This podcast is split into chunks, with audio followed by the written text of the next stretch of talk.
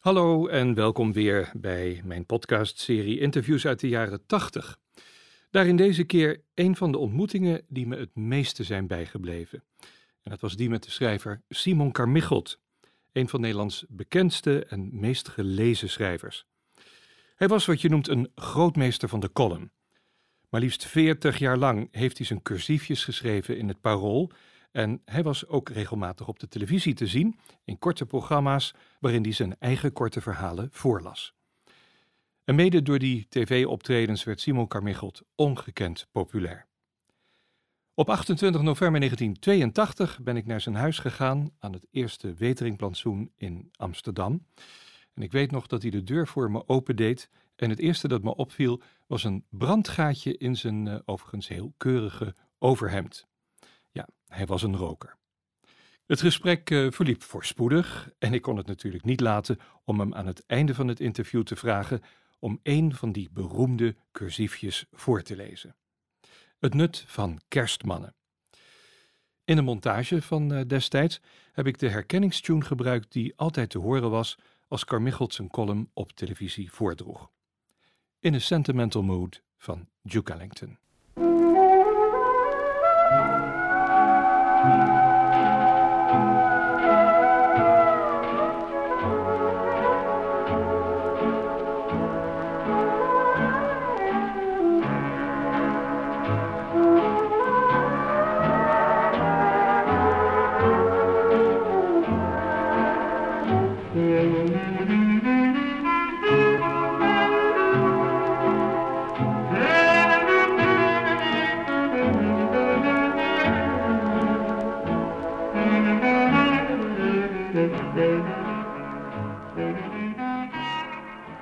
Godfried Bomans heeft eens in het voorwoord van een van uw talloze bundels gezegd: Je bent eigenlijk altijd het haasje en daardoor de ontmaskering voor. Je valt voortdurend uit eigen beweging door de mand en daardoor kan geen sterveling je erdoor laten zakken. Je bent je eigen dubbele bodem.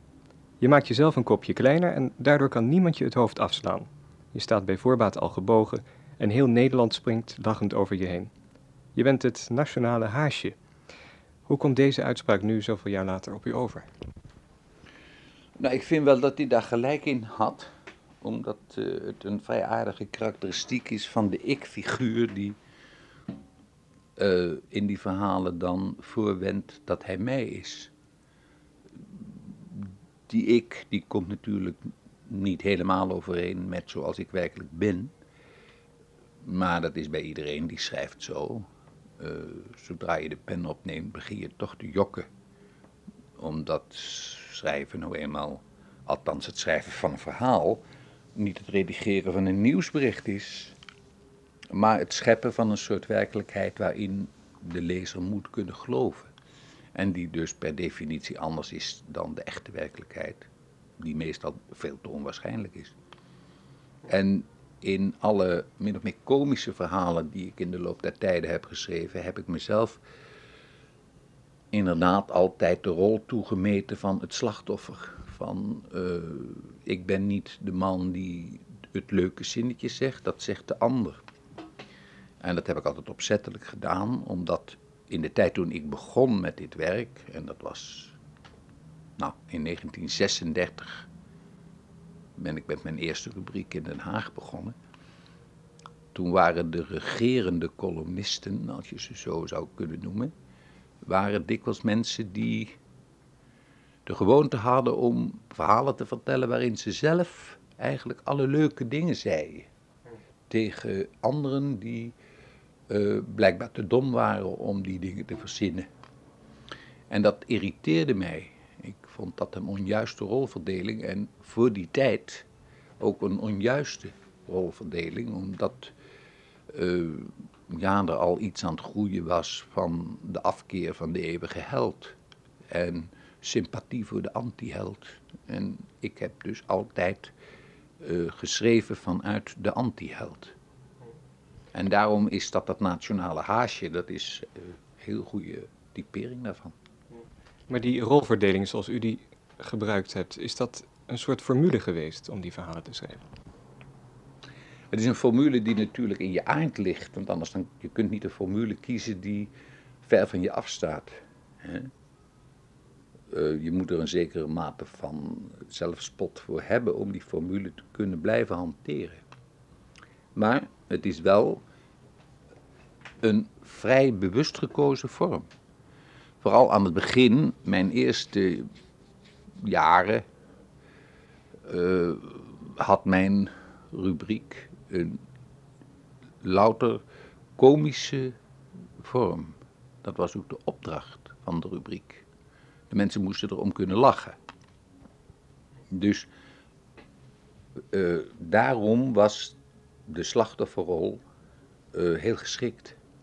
En mijn eerste boekje, 50 dwaasheden, was dan ook uh, een collectie louter slachtofferverhalen. En later ja, is het allemaal natuurlijk met mijzelf veranderd. En is de toon ook dikwijls heel anders geworden. En is het niet louter humoristisch gebleven. Maar het bleef wel altijd korte verhalen. Hebt u daar nou een verklaring voor waarom u juist altijd in die vorm hebt geschreven, hoofdzakelijk? Ja, die verklaring is tweeledig. De eerste plaats is het een vorm die me blijkbaar aantrekt. En in de tweede plaats is het een praktische vorm, want uh, ik heb altijd voor dagbladen geschreven en dagbladen geven je een bepaalde ruimte, meer niet.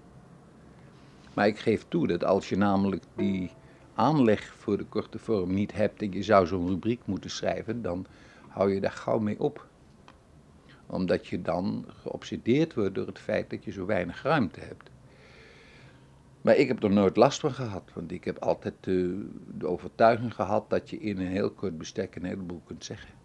Was dat een soort uitdaging voor u, om juist alleen die beperkte ruimte beschikbaar te hebben? Ja, toen ik het bij de krant ging doen, dus dat was in 36. Ik heb van 36 tot 40 de rubriek kleinigheden geschreven in de Vooruit in Den Haag. Toen was dat dan wat u zou kunnen noemen die uitdaging. Maar het curieuze is dat als uh, als je kijkt wat ik uh, heb geschreven daarvoor, toen ik nog op school was, de middelbare school, in de schoolkrant, dan zijn dat ook allemaal van die hele korte stukjes. Dus het zat blijkbaar in mijn aard. En mijn uh, literaire belangstelling in mijn hele jonge jaren ging dan ook vooral uit naar mensen die dit soort werk deden. Dat waren eigenlijk mijn helden. Niet romanciers, maar bijvoorbeeld de man als Heijermans, die zijn grote faam dankt aan zijn toneelstukken, zeer terecht, maar die voor mij vooral was de schrijver van korte stukken die hij in het Algemeen Handelsblad publiceerde onder het pseudoniem Falkland, Samuel Falkland. En ik ben geloof ik een van de weinigen die in zijn jonge jaren, toen ik zo'n jaar of 16 was, al die Falklandbundels heb gelezen die in de bibliotheek in Den Haag uh, te verkrijgen waren. Dat waren geloof ik 16 bundels, die heb ik allemaal gelezen. Omdat het genre, dat, die korte vorm, die ook Heijermans perfect kon hanteren, al was het stuk iets langer dan zo'n column van mij. Het was langer. Het was namelijk, het begrip feuilleton bestond toen heel sterk. Nu is feuilleton uitsluitend de aanduiding van uh, een vervolgverhaal in de krant. Wat je ook nog maar zelden ziet, overigens. Maar nu, uh, toen had je het begrip feuilleton, dat was eigenlijk een stuk dat zo onderin over, het brede, over de hele breedte van de pagina stond. En dat uh, een apart verhaal was. En Couperus heeft die dingen geschreven in het Vaderland bijvoorbeeld. Later Eduard Veterman en in het handelsblad deed Heijermans dat. En dat was voor mij dus een groot voorbeeld. Een uh, heel bekende schrijver van korte verhalen in het buitenland is natuurlijk Roald Dahl. Wat vindt u van zijn verhalen? Ik vind Dahl um, een grote schrijver. Ik een...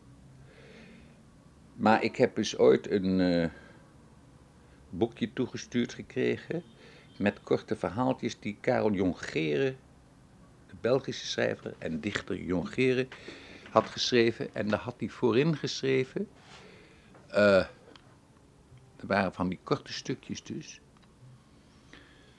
uh,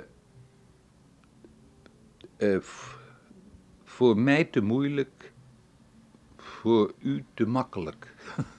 Dat ik een hele interessante opdracht. En van dezelfde Karel Jongeren was een uitspraak over uh, Julien de Valkenaren, die een aforist was in Vlaanderen. Een merkwaardig, heel curieuze man die alleen maar aforismen heeft geschreven. En over, over uh, de Valkenaren zei hij, de goede zijn zeer goed. En dat was dus een beperking die hij aangaf en een bewondering. En dat heb ik bij Daal ook. Ik vind de goede zijn zeer goed. Dat je denkt, uh, dat is een perfect verhaal. En er zijn verhalen bij waarvan je de ontknoping al bij de tweede regel voelt aankomen. Of waarbij de ontknoping zo buitengewoon gezocht is, dat ik denk, ik ben blij dat ik niet in dat genre hoef te schrijven. Want dan kom je daar blijkbaar toe. Want ieder genre is een beperking. Ja, u schrijft voornamelijk over het alledaagse leven en dat uh, is natuurlijk onuitputtelijk. Het alledaagse leven is onuitputtelijk en uh, wat Daal eraan toevoegt, dat het ook dikwijls heel gruwelijk is. Hè? Daar, dat is uh, ook zijn grote kracht. Het is dikwijls heel gruwelijk. Uh, het is dikwijls ook te gruwelijk zelfs om op te schrijven. Omdat het uh, de werkelijkheid, als je boeken over echte misdaden leest, en ik heb er nog een heleboel gelezen, dan denk je, ja, als je zoiets schrijft, dat gelooft niemand. Maar het is wel gebeurd. Maar dat is nooit een verdienste dat iets echt gebeurd is. De enige verdienste of de enige, de van de, enige opdracht van de schrijver is, die zo moet schrijven dat je het gelooft. Ja, om weer naar uw eigen werk terug te gaan. Um, hebt u nooit een ander genre beoefend dan uh, korte verhalen? Ik heb ook wel verzen geschreven. Ik heb drie bundels verzen geschreven onder een, uh, aanvankelijk onder een pseudoniem. Karel Bralleput? Karel Bralleput, ja. Maar het curieuze daarvan is dat net als mijn uh, verhalen ook hier weer de achtergrond een opdracht was. Ik ben mijn verhalen, die columns ben ik gaan schrijven omdat ze bij een krant zeiden, ga jij dat maar doen, in 36. En die versen ben ik gaan schrijven omdat ik na de oorlog met Anton Koolhaas samen. Anton Koolhaas werkte toen bij de Groen Amsterdammer. Uh, en daar was een rubriek, een soort spot, een soort parodie op een dagblad. En die heette De Kleine Krant. En in die Kleine Krant, die door Koolhaas werd geredigeerd en waaraan ik vast medewerker was, met hem samen maakten we die Kleine Krant. Heb ik toen eens een versje geschreven onder dat pseudoniem Karel Balleput. En toen zei Koolhaas tegen mij, god dat is wel leuk, kun je er niet elke week in schrijven? En toen ben ik er gewoon elke week in gaan schrijven. En uh, dus ook weer dus diezelfde typisch journalistieke dwang van, er wordt op die kopie gewacht, dus dan doe je dat. Alleen vond ik het leuk om te doen en daarom heb ik er later dus wel bundels uitgemaakt. Ook zelfs ben ik met die versjes doorgegaan toen mijn relaties met de kleine kant niet meer bestonden en ik het dus gewoon maar deed. Wat voelt u zich meer, schrijver of journalist? Nou, ik kan dat verschil niet helemaal vaststellen, omdat uh, het is allebei schrijven.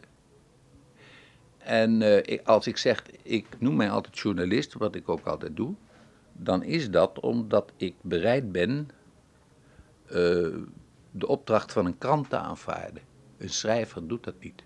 Een schrijver is iemand die thuis zit en geacht wordt op een gegeven dag inspiratie te krijgen. En dan maanden en maanden werkt aan een roman.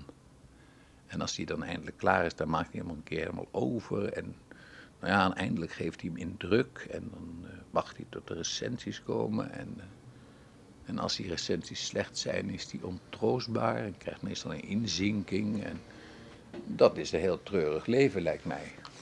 Maar als je bij een krant werkt, zoals ik, en mijn hele leven bij een krant gewerkt heb, dan uh, doe je een eigenlijk zeer onpathetische bezigheid. Je levert gewoon elke dag die kopie. En je weet ook wel dat het de ene dag wel slaagt en de andere dag niet. Maar daar ben je niet kapot van, want je denkt, ja, elke dag goed wezen, dat kan niet. Dus dat is een journalistieke benadering. Uw werk is uh, meermalen bekroond, onder andere met de Constantijn Huygensprijs en enkele jaren geleden met de PC Hoofdprijs. Uh, wat betekent voor u het ontvangen van dergelijke prijzen? Nou, het is een, dat is een beetje een gecompliceerde vraag, of althans het antwoord op is een beetje gecompliceerd. Omdat uh, als je zoveel prijzen hebt gehad als ik, en je hebt ze dus allemaal gehad, dan is het vrij gemakkelijk om te zeggen, nou, betekent niks. Hè? Dat zegt mijn vrouw altijd, die zegt, nou ja, je moet uh, ervan uitgaan, jij kan dat makkelijk zeggen, want je hebt ze gehad. Maar mensen die ze niet gehad hebben, die gaan daar dikwijls onder gebukt. Hè, Bomans was daar een voorbeeld van. Bomans heeft zeer ten onrechte, zeer ten onrechte, nooit een prijs gehad in zijn hele leven niet. Wat uh, gewoon een grof onrecht was. Want Bomans was een groot schrijver. En als je zag wat allemaal bekroond werd, dan denk je, waarom in godsnaam Bomans niet? Maar ja, ik weet niet wat dat was. Het was een soort uh, vijandschap jegens hem. Een, uh, ook een vijandschap jegens zijn uh, immense succes. ik heb er in die tijd ook wel een vorm van antipapisme in gezien. Hè, omdat Bomans nogal duidelijk katholiek was. maar ik heb dat al een grof onrecht gevonden. Want Bomans was inderdaad heel, een eerste rang schrijver. En het is dus ja, het feit dat hij er nooit een prijs gekregen heeft, in al die jaren niet, doet het hele begrip prijzen sterk devalueren. Dan denk je, nou dan betekent het ook niet veel. als hij er nooit een gekregen heeft, dan betekent het niet veel. Nou, ik heb er een aantal gekregen en ja, natuurlijk vind je dat leuk, maar het is natuurlijk aan de andere kant zo dat het krijgen van een prijs, ja, dan roept iedereen, vindt u nou ook niet dat het een erkenning is van uw werk? Zo heb ik dat nooit gevoeld. Ik vind erkenning van je werk is alleen of mensen je lezen.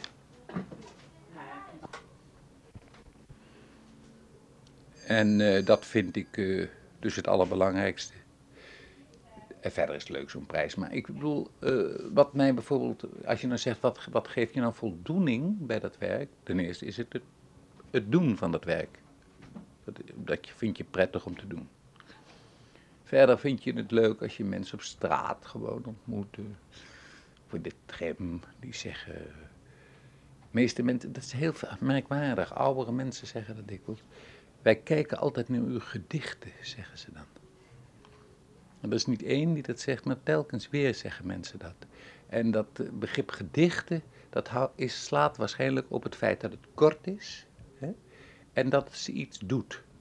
Die twee dingen, die zijn in dat dus hier ten onrechte gebruikte woord samengebald. Dat vind ik erg leuk. En wat ik bijvoorbeeld erg leuk vind is, wij hebben hier in Amsterdam uh, erg veel Surinamers, zoals u weet. Er wonen er hier verschrikkelijk veel. En uh, er zijn erg veel, hier in het centrum zie je er ontzettend veel, omdat hier die trams die gaan naar de Albert Kuip, waar ze altijd hun voet en die gaan ook naar de metro, die naar de Bijlmer voert. Dus als ik hier bij de. Ik, ik zit veel in de tram. Je hebt heel vaak dat de Surinamer, een Surinaamse vrouw, zo'n uh, jong, oud, uh, je aanspreekt en zegt: God, ik vond een mooi verhaal. En dat vind ik heel treffend. Hè? Dat, uh, dat nou ook Surinaamse mensen erop reageren, terwijl je denkt, ja, die mensen komen uit zo'n ander land en die hebben een eigen cultuur. En zou dat nou niet mijlenver van ze afstaan? En dan merk ik dat dat niet zo is. En dan ben ik verschrikkelijk trots, ben ik veel trotser op. Als zij zeggen, vond ik mooi wat u vertelde. Hè? Het was echt naar het leven. Hè? Dat vind ik veel mooier dan de PC Hoofdprijs. Hoewel de PCO-prijs ook niet, niet niks is. Maar dit is veel mooier. Toch nog even over die prijs door te gaan. Uh, de PC-hoofdprijs is onlangs door Jan Wolkers geweigerd. Vindt u dat iets wat vergelijkbaar is met die situatie van Godfried Bomans? Of vindt u dat terecht, die weigering? Uh, kijk, ik vind Jan Wolkers, dat is een, uh, een van de meest gelezen schrijvers van Nederland. En dat is bovendien iemand die, en hoef je hem heus niet om te verwerpen, iemand die zeer publiciteitsgevoelig is. Daar heeft hij groot gelijk in. Er stond een roman van hem op uitkomen. Die is nu, hè, toen hij die prijs kreeg. En als u het mij vraagt, heeft hij gewoon gedacht: ja, wat, wat zal ik nou doen? Als ik hem aanneem, dan krijg ik zo'n berichtje in de krant. Jan Bokers, die heeft die prijs gekregen. Maar als ik hem weiger, sta ik op alle voorpagina's. En komt het journaal helemaal naar mij toe om een uitvoerige uitzending met mij te maken waarin ik al mijn boeken nog een keer laat zien die eh, zegt dat het allemaal meesterwerken zijn en dan heb ik toch veel meer publiciteit. Dus dat is ongetwijfeld. En die paar duizend gulden, die heeft hij niet nodig. Dus ik vind het publiciteitstechnisch een uh, uitstekende aanpak. U bent begonnen met schrijven, zei u, dacht ik, in 1936. Nee, ik was al eerder gaan schrijven. Veel eerder. De schoolkant. Ja, ik ben gaan schrijven toen ik jaar 12 was en zo ging natuurlijk. Je begint dan als gewoonlijk met het moeilijkste, namelijk versjes. Versen schrijven, dat doe je altijd als je het nog helemaal niet kunt. En ik heb op de schoolkant geschreven, maar ik ben in 1931 in de journalistiek gekomen. Kunt u nog iets meer over die begintijd vertellen? Hoe, hoe was het toen om schrijver te zijn of om journalist te zijn? Nou, het was ook een crisistijd, dus die dertiger jaren. Maar uh, omdat er nog niet zoveel voorzieningen waren en er nog allerlei dingen bevochten moesten worden, was het merkwaardigerwijs uh, gemakkelijker om bij een krant te komen dan nu.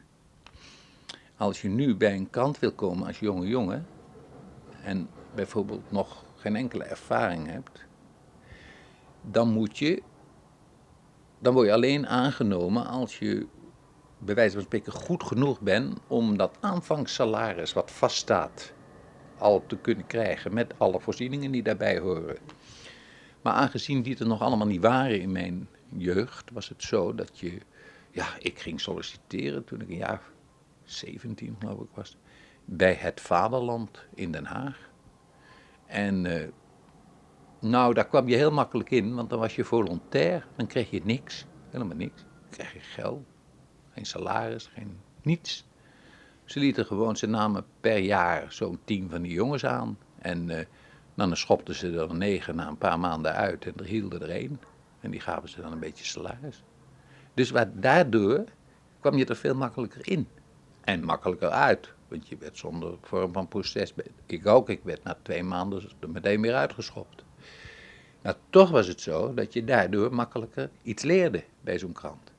je werd gewoon zo meteen in het zwembad gegooid. En je moest maar zien dat je er wat van maakte. En dat is nou een beetje weg. Door de vooruitgang eigenlijk.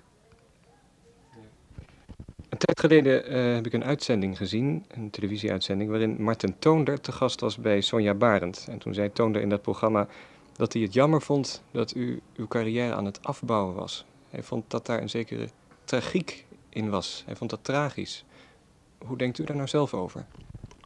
Ja, ik dacht dat Sonja het tragisch vond. En hij eh, daar ook iets over zei in deze trant. Ja, ik weet het niet. Uh, wat is nou afbouwen? Ik, heb, uh, ik ben met mijn 65ste ben ik gepensioneerd. En toen hebben ze het bij de krant gezegd ben je toch nog gewoon doorschrijven elke dag. Dat heb ik een jaar gedaan. Dus gepensioneerd zijnde heb ik toch elke dag geschreven. Uh, toen heb ik daarna gezegd, uh, ik, wil, ik zal nu niet meer elke dag schrijven, een jaar lang, maar drie keer per week. Toen heb ik het drie keer per week een jaar lang gedaan en toen heb ik gezegd, ik ga nu over op één zin de week. Ik, omdat ik het geleidelijk uh, wou verminderen. En ik vind dat, uh, dat, dat je dat gewoon moet doen.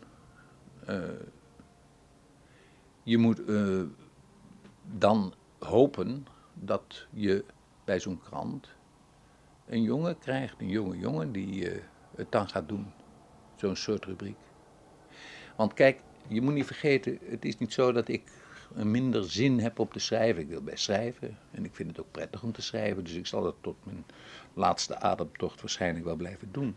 Maar iets anders is dat je natuurlijk, ik word nu Deo Volente, word ik eh, 70 op eh, 7 oktober volgend jaar. Eh, dan heb je natuurlijk een ander uitzicht dan de gemiddelde abonnee van je krant. Als je de leeftijden van die mensen onderzoekt. We hebben natuurlijk wel oude abonnees, maar het grootste deel is jong. En je verkeert ook niet meer in de milieus waarin eh, jonge mensen leven. Die kent die milieus, nou, die ken je dan door je kleinkinderen, maar eh, verder ken je ze niet. Dus die wereld ken je niet, je gaat ook die kroegen niet af eh, waar ze verkeren. Dus je komt een beetje op een eiland te zitten, waar ook nog wel wat te vertellen valt. Maar je moet niet elke dag tegenwoordig zijn in zo'n krant, vind ik, als je 70 bent. Dat vind ik.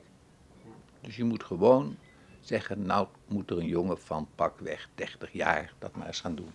Die thuis is in deze moderne wereld. En dat ben ik niet.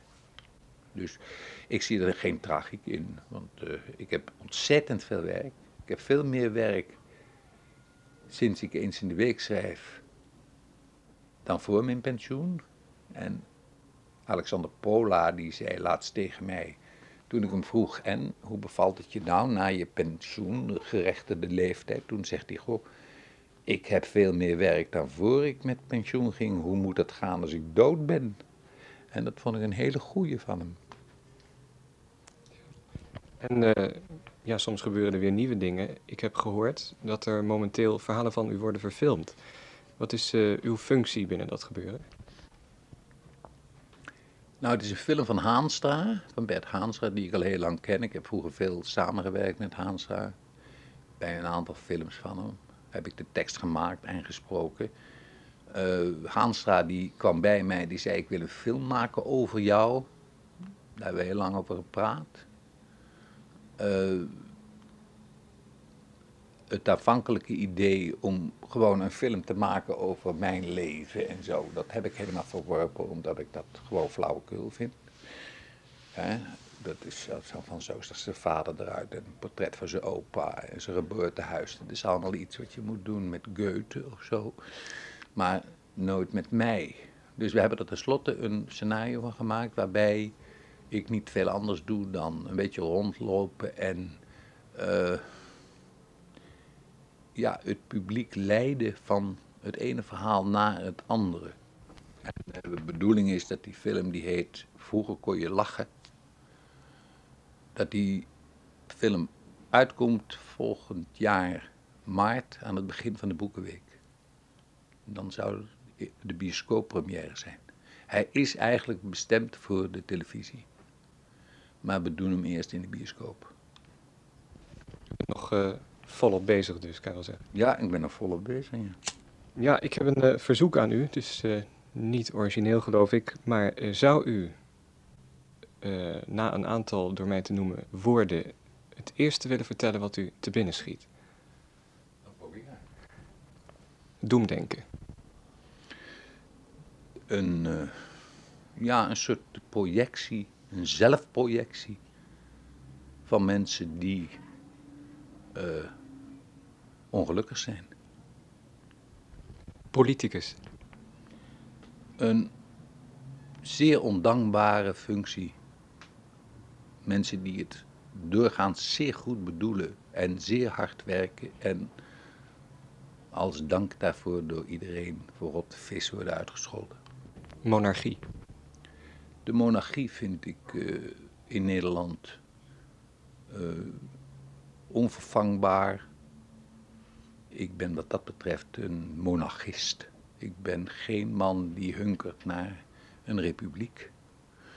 Want uh, ten eerste vind ik een republiek is of een stelsel waarin zie elders op de wereld die president veel te veel macht heeft. Terwijl onze geliefde koningin in het geheel geen macht heeft. En dat vind ik een uitstekende gang van zaken. En verder is een president, als je hem in Nederland volgens ons systeem zou kiezen, meestal zo'n man die voor iedereen aanvaardbaar moet zijn. En hoe je die vindt in Nederland, dat weet ik niet. Dan zou je de oude Drees moeten afstoffen. En ik wil, als hij in een open rijtuig langskomt, best naar hem wuiven. Maar ik wuif liever naar de koningin. Vrede.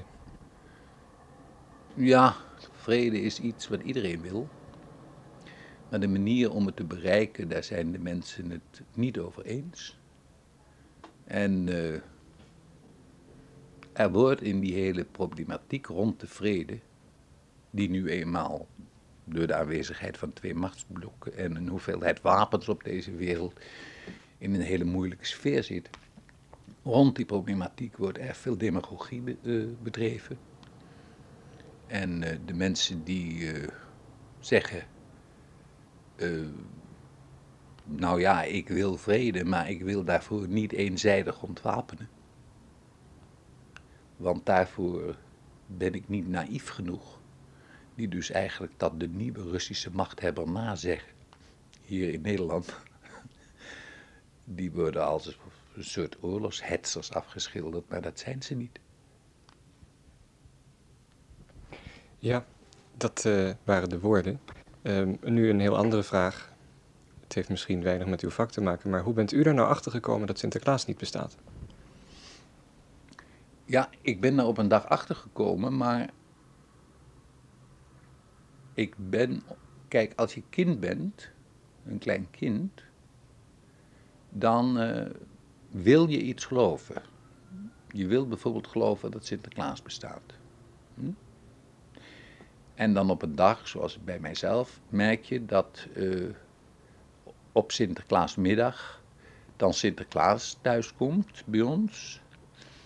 Dat het, uh, de broekspijpen van je vader daaronder uitsteken, onder dat geïmproviseerde kostuum dat hij aan heeft en dat hij het schortje van je grootmoeder aan heeft. Maar, aangezien je klein bent hè, en wil geloven aan Sinterklaas, wens je niet tot jezelf toe te laten dat dat je vader is. Maar je wenst, ondanks verpletterende bewijzen van het tegendeel, te geloven dat dit Sinterklaas is. Totdat je zover bent dat je afvalt van het geloof. Ja. Uh, in uw bundel uh, 100 dwaasheden staat een verhaal over het nut van Sinterklaasen en kerstmannen. Zou u dat voor willen lezen? Ja, het is een heel oud verhaal, maar ik wil het wel voorlezen. Om erkend gasfitter te kunnen worden, moet men een opleiding volgen en een diploma behalen. Maar kinderen opvoeden mag iedereen. De enige voorwaarde is dat men een kind heeft waarop men zijn onbeslagenheid kan botvieren. Als ze heel klein zijn, is het een koud kunstje. Ze liggen in wiegen en worden in andere kamers gebracht als ze huilen. Maar later, als ze in eigen beheer levende kleuters geworden zijn, wordt het regeren van hun gedragingen en bedoelingen reeds gecompliceerder er loopt dan een dwergje door je huis dat telkens weer blijk geeft van een even onvoorziene als ongewenste voornemenspakket. Jantje wil niet eten. Daar sta je dan. Als die 25 was, zou je zeggen: joh, wees nou redelijk. Maar hij is drie en heeft de een of andere microscopische levensbeschouwing waaruit zijn starre houding ten opzichte van zijn bordje logisch voortvloeit. Pa en moe mogen het probleem naar hun aard aanvatten, vleien, brullen, beloven, afleiden, ranselen. Het is geheel facultatief. Want je mag niet links houden of land lopen, maar op de essentiële punten in dit leven staat het ieder vrij geheel te falen. Ik heb een handelsman gekend die in staat was afgebrande lucifershoutjes aan de man te brengen, maar als zijn zoontje niet naar school wilde, bleek hij machteloos omdat het idioom van dat ventje Sanskriet voor hem was en het hele decor waarin hij zo geroutineerd rondstapte omverwierp. Wie nu al verontwaardigd is over de toon van dit verhaaltje, kan de band beter doorspoelen, want ik heb het ontluisterend voornemen om in deze regels staande te houden dat Sinterklaasen, kerstmannen, hoofdonderwijzers, politieagenten en lorebazen loten van één stam zijn, de attributen namelijk van de wijdverbreide onmacht om kleine knulletjes effectvol te knechten. Half november beginnen we al met onze misselijke kunstgrepen. Wat? Geen plasje doen? Weet je dan niet dat Sinterklaas dat allemaal ziet? Die schrijft het op in een dik boek en, en daar zakt zijn broekje al, dat hij zo weer barstig vasthield en daar zit hij reeds met zijn roze billetjes op de koude pot. En dan de abjecte briefjes die wij in hun hartroerende schoentjes stoppen, valselijk ondertekend met de naam van de heer Sint-Nicolaas. Zo'n briefje luidt: Je mag pas uit je bedje komen als mama je roept. Dat schreef ik er laatst in, ten einde in het belang van mijn nachtrust de matineuze bezoeken van mijn dochtertje tegen te gaan. Maar toen ik haar de volgende ochtend om zes uur, na het aanhoren van mijn arglistig schrijven in de slaperige versie die mijn vrouw daarvan gaf, zag terugsluipen naar haar geringe sponde, volkomen overdonderd door deze boodschap uit een hogere wereld, voelde ik me toch een soort oplichter, een loesje variété-artiest, die in de Congo met een laken om voor bosgeest speelt, ten einde de inwoners daar te offeren, ten einde de inwoners daar tot het offeren van ivoor te prikkelen. Ondraaglijk werd mijn vroeging eerst toen de gehuurde Sinterklaas in onze huiskamer tegenover mijn kind zat en na het vluchtig raadplegen van zijn door ons opgestelde partituur, rechtschapen sprak. Wat heb ik nou gehoord? Zanik jij zo dikwijls en, spijbel jij van school?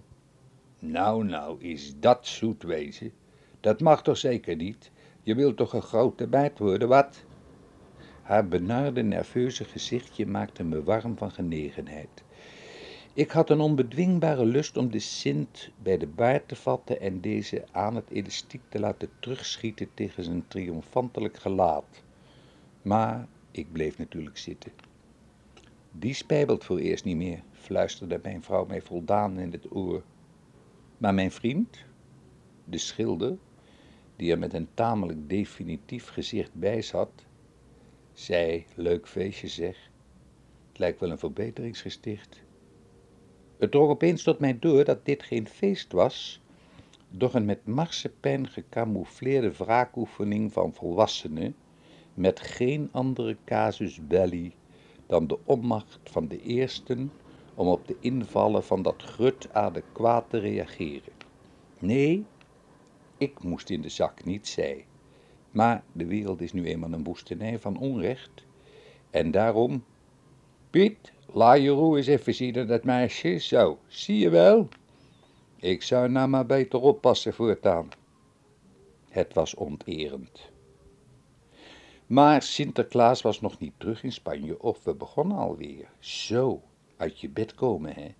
Weet je dan niet dat de kerstman dat ziet? En jij wou strakjes een cadeautje? Zoiets werkt nu eenmaal. Daarom zal ik het nut van kerstmannen niet ontkennen. Ze moeten er zijn, net als politieagenten en gevangenissen, hoewel het op zichzelf ook geen verbluffende inval is om iemand die ten gevolge van een ontwarbaar complex van psychologische oorzaken tot diefstal of tot manslag is gekomen, in een hockey te doen en brood zonder boter te geven. Dit is natuurlijk een minderheidsnota van de boze vee. De goede feeën waren trouwens talrijker en Sneeuwwitje kreeg haar prins toch, zodat niemand zich iets van deze regels behoeft aan te trekken. Maar als ik straks, wanneer het kerstfeest weer achter de rug is, de nieuwe plaat opzet en de paashaas begin aan te roepen, van wie met enige goede wil en verbeeldingskracht ook wel kan worden aangenomen dat die alles in een dik boek schrijft, dan zal ik daarbij toch overwegen dat het leven een gecompliceerde zaak is. Maar iedereen doet het. zonder diploma.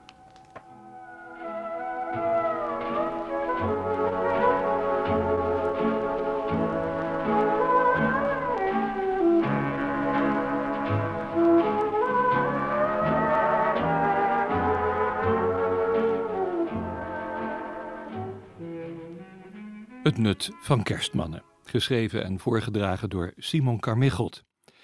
Ik ontmoette hem op 28 november 1982 in zijn woning in Amsterdam. Ja, toen het eh, interview in het gesproken maandblad Dynamics was gepubliceerd, heb ik hem daar meteen een cassette van gestuurd. En tot mijn verrassing kwam er meteen een aanzichtkaartje terug met daarop de Keizersgracht in Amsterdam. En hij had erop geschreven: Wel bedankt voor het bandje. Het is erg aardig geworden, vind ik. Vriendelijke groeten en mijn beste wensen. S. Carmichelt. Vijf jaar later, op 30 november 1987, overleed Simon Carmichelt. Hij was toen 74 jaar. Tot zover deze podcast. Tot de volgende.